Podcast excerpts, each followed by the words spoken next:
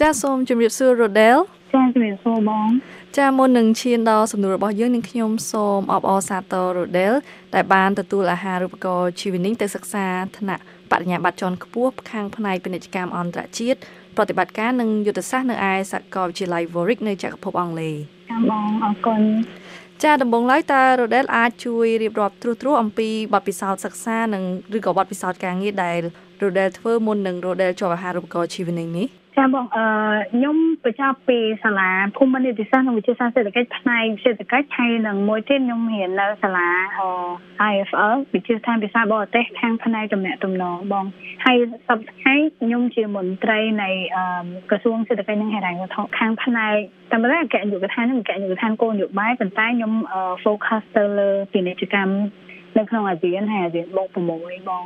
ចាហើយរ៉ូដែលដឹងទេថាកត្តាអ្វីដែលជួយឲ្យរ៉ូដែលលេចធ្លោហើយជាប់អាហារូបករណ៍ជីវនីនេះអឺបើតាខ្ញុំគិតទៅ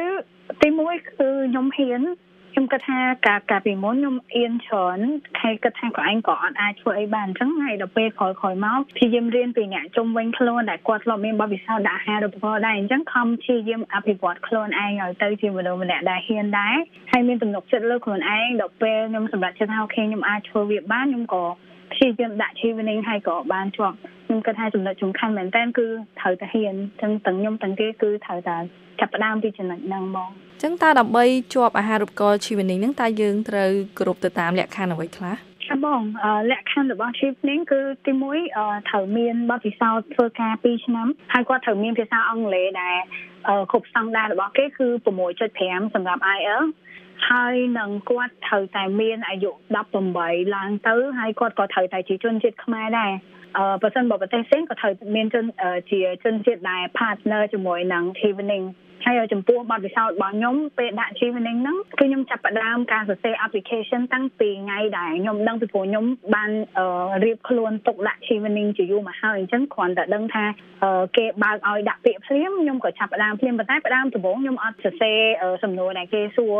ចំហ្មងឯងខ្ញុំគ្រាន់តែបំពេញ personal detail ព័ត៌មានអីដែលគេសួរនៅក្នុង application ហ្នឹងឲ្យអស់ទៅខ្ញុំចាប់ផ្ដើម4សំណួរដែលអាចកំណត់បានថាខ្ញុំជា awardee សម្រាប់ Chevening ហើយ4សំណួរហ្នឹងទី1គឺគេឲ្យយើងសរសេរ personal statement personal statement ហ្នឹងគឺជាសំណួរចម្បងចំពោះខ្ញុំហ្នឹងខ្ញុំគិតថាយើងអាចជាប់ Chevening ឬមិនជាប់គឺអាស្រ័យទៅលើដែលយើងសរសេរ personal statement ហ្នឹងពីព្រោះ personal statement នេះ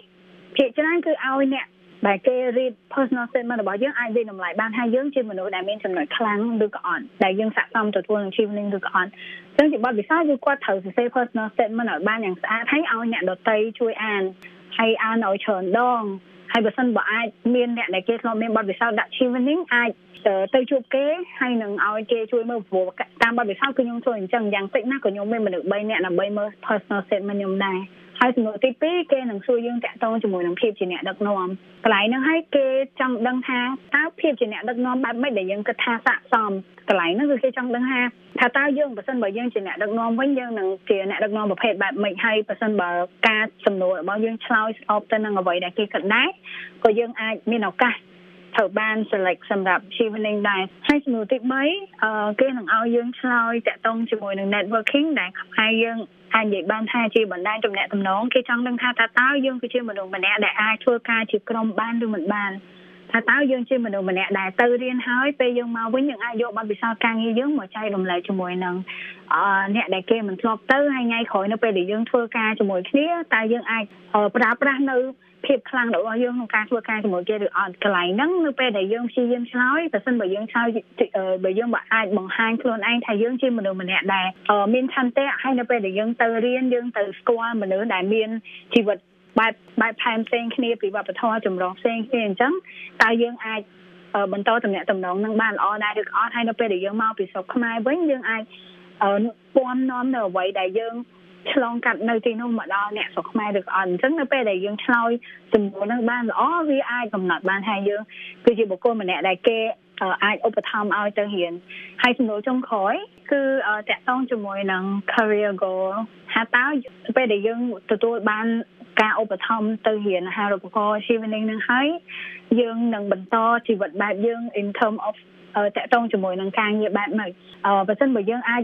បង្ហាញនៅក្នុងនឹងថាយើងទៅរៀនយើងមានគោលដៅច្បាស់លាស់យើងទៅយើងមានអ្វីដែលគិតទុកហើយក្នុងរយៈពេល5ឆ្នាំឬ10ឆ្នាំដោយសារនៅក្នុងសំណួរហ្នឹងគេក៏បានសួរយើងដែរថាអឺតើ short term plan គម្រោងរយៈពេលខ្លីរបស់អ្នកគឺបែបម៉េចហើយនឹង long term plan របស់អ្នកគឺបែបម៉េច នឹងគឺជាឱកាសមួយដែលសម្រាប់យើងក្នុងការបង្ហាញប្រាប់គេថាយើងជាមនុស្សម្នាក់ដែលមានការគ្រោងទុកត្រឹមត្រូវយើងមានផែនការសម្រាប់ការងារយើងត្រឹមត្រូវអញ្ចឹងការដែលបុគ្គលម្នាក់ហ្នឹងអាចបង្ហាញប្រាប់ទៅ reader នៃជីវនឹងថា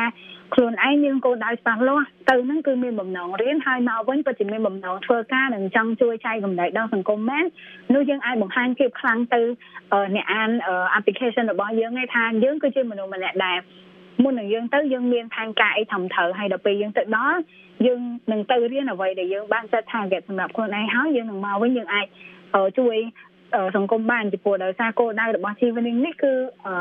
វាជាអាហារូបករណ៍របស់រដ្ឋាភិបាលអង់គ្លេសដែលគាត់មានកិច្ចសហប្រតិបត្តិការជាមួយខ្មែរយើងអញ្ចឹងតិចក្តីច្រើនក្តីគឺគេចង់ឃើញថាបុគ្គលម្នាក់ដែលគេបានឧបត្ថម្ភមកវិញជួយចែកម្លែកដល់សង្គមចាហើយតើមូលហេតុអីបានជារ៉ូដែលជ្រើសយកមុខវិជ្ជាពាណិជ្ជកម្មអន្តរជាតិនឹង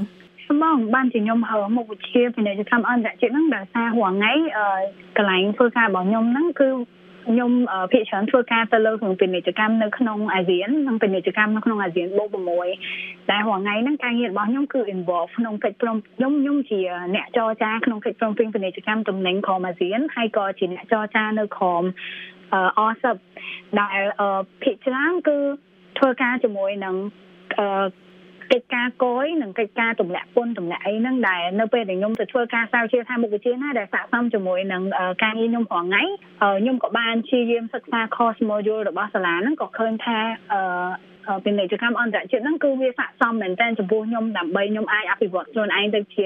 អ្នកមួយដែលបកកាយនៅក្នុង field ពាណិជ្ជកម្មហ្នឹងមកបងចាហើយតើការសិក្សាមុខវិជ្ជាពាណិជ្ជកម្មអន្តរជាតិហ្នឹងតើពេលដែលរ៉ូដែលរៀនចប់ហើយត្រឡប់មកប្រទេសកម្ពុជាវិញតើរ៉ូដែលគិតថាខ្លួនអាចនឹងជួយអ្វីខ្លះដល់វិស័យពាណិជ្ជកម្មជាពិសេសពាណិជ្ជកម្មប្រទេសកម្ពុជានៅក្នុងតំបន់អាស៊ានហ្នឹងនៅពេលដែលមកវិញហ្នឹងដោយសារការងាររាល់ថ្ងៃហ្នឹងខ្ញុំធ្វើបច្ចេកទេសដែរប៉ុន្តែខ្ញុំខ្ញុំអត់ គិតថាខ្លួនឯងមានបច្ចេកទេសគ្រប់គ្រាន់ក្នុងការបំពេញការងាររាល់ថ្ងៃដោយសាររាល់ថ្ងៃនៅពេលខ្ញុំធ្វើការខ្ញុំត្រូវការជំនួយពីបងបងដែលគាត់មានបទពិសោធន៍នៅក្នុងហ្នឹងហើយបងបងដែលគាត់មានបទពិសោធន៍ហ្នឹងក៏គាត់មានបទពិសោធន៍ដែលគាត់ធ្លាប់ធ្វើជាច្រើនឆ្នាំនៅខ្មែរអញ្ចឹងនៅអ្វីដែលខ្ញុំចង់បានមែនតើពីមុខវិជ្ជាដែលខ្ញុំរៀនហ្នឹងគឺខ្ញុំចង់ដឹងថាតើបទពិសោធន៍ប្រទេសផ្សេងដែលគេធ្លាប់មានជោគជ័យក្នុងការធ្វើពាណិជ្ជកម្មឆ្លងដែនហ្នឹងហើយនឹងគេអាចរកចំណូលបានច្រើនពីការធ្វើពាណិជ្ជកម្មហ្នឹងតើគេធ្វើបែបម៉េចព្រោះថ្ងៃហ្នឹងមុនខ្ញុំទៅរៀនក៏ខ្ញុំអត់ទាន់មានអឺគឺថាការយល់ដឹងមួយដែលថាប្រទេសគេធ្វើ best practice នៃប្រទេសគេធ្វើបែបម៉េចអញ្ចឹងនៅពេលដែលខ្ញុំទៅដល់ខ្ញុំចង់ដឹងជាពិសេសគឺខ្ញុំទៅរៀននៅអង់គ្លេសហ្នឹងហ្មងអញ្ចឹងយើងអាចដឹងថា បដិបត្តិអឺធ្វើពាណិជ្ជកម្មស្រុកគេបែបម៉េចហើយខុសជាមួយនឹងស្រុកខ្មែរយើងបែបម៉េចហើយបើសិនបើអាចឃើញចំណុចខ្វះខាតព្រោះរាល់ថ្ងៃហ្នឹងដោយសារខ្ញុំធ្វើខ្ញុំធ្វើតែនៅក្នុងបដិបត្តិខ្មែរយើងដែរទេហើយបើសិនបើធ្វើក៏ធ្វើនៅក្រុមកិច្ចព្រមព្រៀងអាស៊ានដែរវាអត់ទលំទលាយអញ្ចឹងខ្ញុំសង្ឃឹមថានៅពេលដែលខ្ញុំទៅដល់ខ្ញុំរៀនខ្ញុំដឹងពីចំណុចខ្វះខាតដែលខ្មែរយើងអាចបំពេញហើយខ្ញុំសង្ឃឹមថាខ្ញុំនឹងអាចនាំនៅអ្វីដែលថ្មីសម្រាប់ពាណិជ្ជកម្មស្រុកខ្មែរយើងធ្វើម៉េចឲ្យយើងមានអឺ ការអភិវឌ្ឍជឿនលឿនដោយស្រុកគេដោយសារខ្មែរយើងអាចនៅមានខ្វះចន្លោះខ្លះបងតាក់ទងជាមួយនឹងពាណិជ្ជកម្មឆ្លងដែននេះចាហើយជាចុងក្រោយតើរ៉ូដែលមានជាដំបូងមានអ្វីខ្លះដើម្បី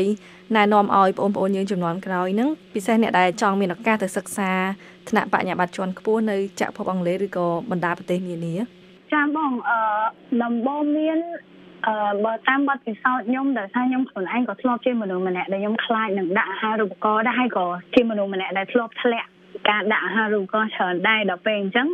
អឺជាដំបូងមានគឺខ្ញុំចង់ឲ្យពួកគាត់គិតថាខ្លួនឯងអាចធ្វើបានហើយធ្វើអីមួយឲ្យហ៊ានហើយមានទំនុកចិត្តលើខ្លួនឯងអឺជាពិសេសគឺមុននឹងគាត់ដាក់ប៉ុន្តែដំបូងមានដែលសំខាន់សម្រាប់ខ្ញុំហើយដែលខ្ញុំចង់ឲ្យអ្នកដទៃដឹងហ្នឹងគឺសំខាន់ឲ្យគាត់ដឹងផងថាខ្លួនគាត់ចង់ទៅរៀនអីហើយឲ្យគាត់កំណត់ថាអនាគតគាត់គាត់ចង់ខ្លាយទៅជាអីដើម្បីឲ្យគាត់ដឹងថានៅពេលដែលគាត់